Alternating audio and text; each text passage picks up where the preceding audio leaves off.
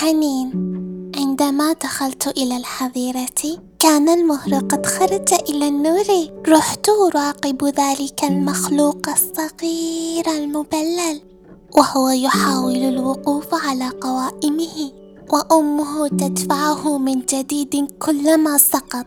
وسط ذلك الجو المبهج أحسست بصوت أمي آتيا من بعيد. بعض الخوف يا ابنتي دليل على الاهتمام لكن زيادة الخوف ستخنق صوتك. تذكرت كيف جعلتني كلماتها أتقدم من المنبر بثقة تساقطت دموعي فخرجت بسرعة من الحظيرة.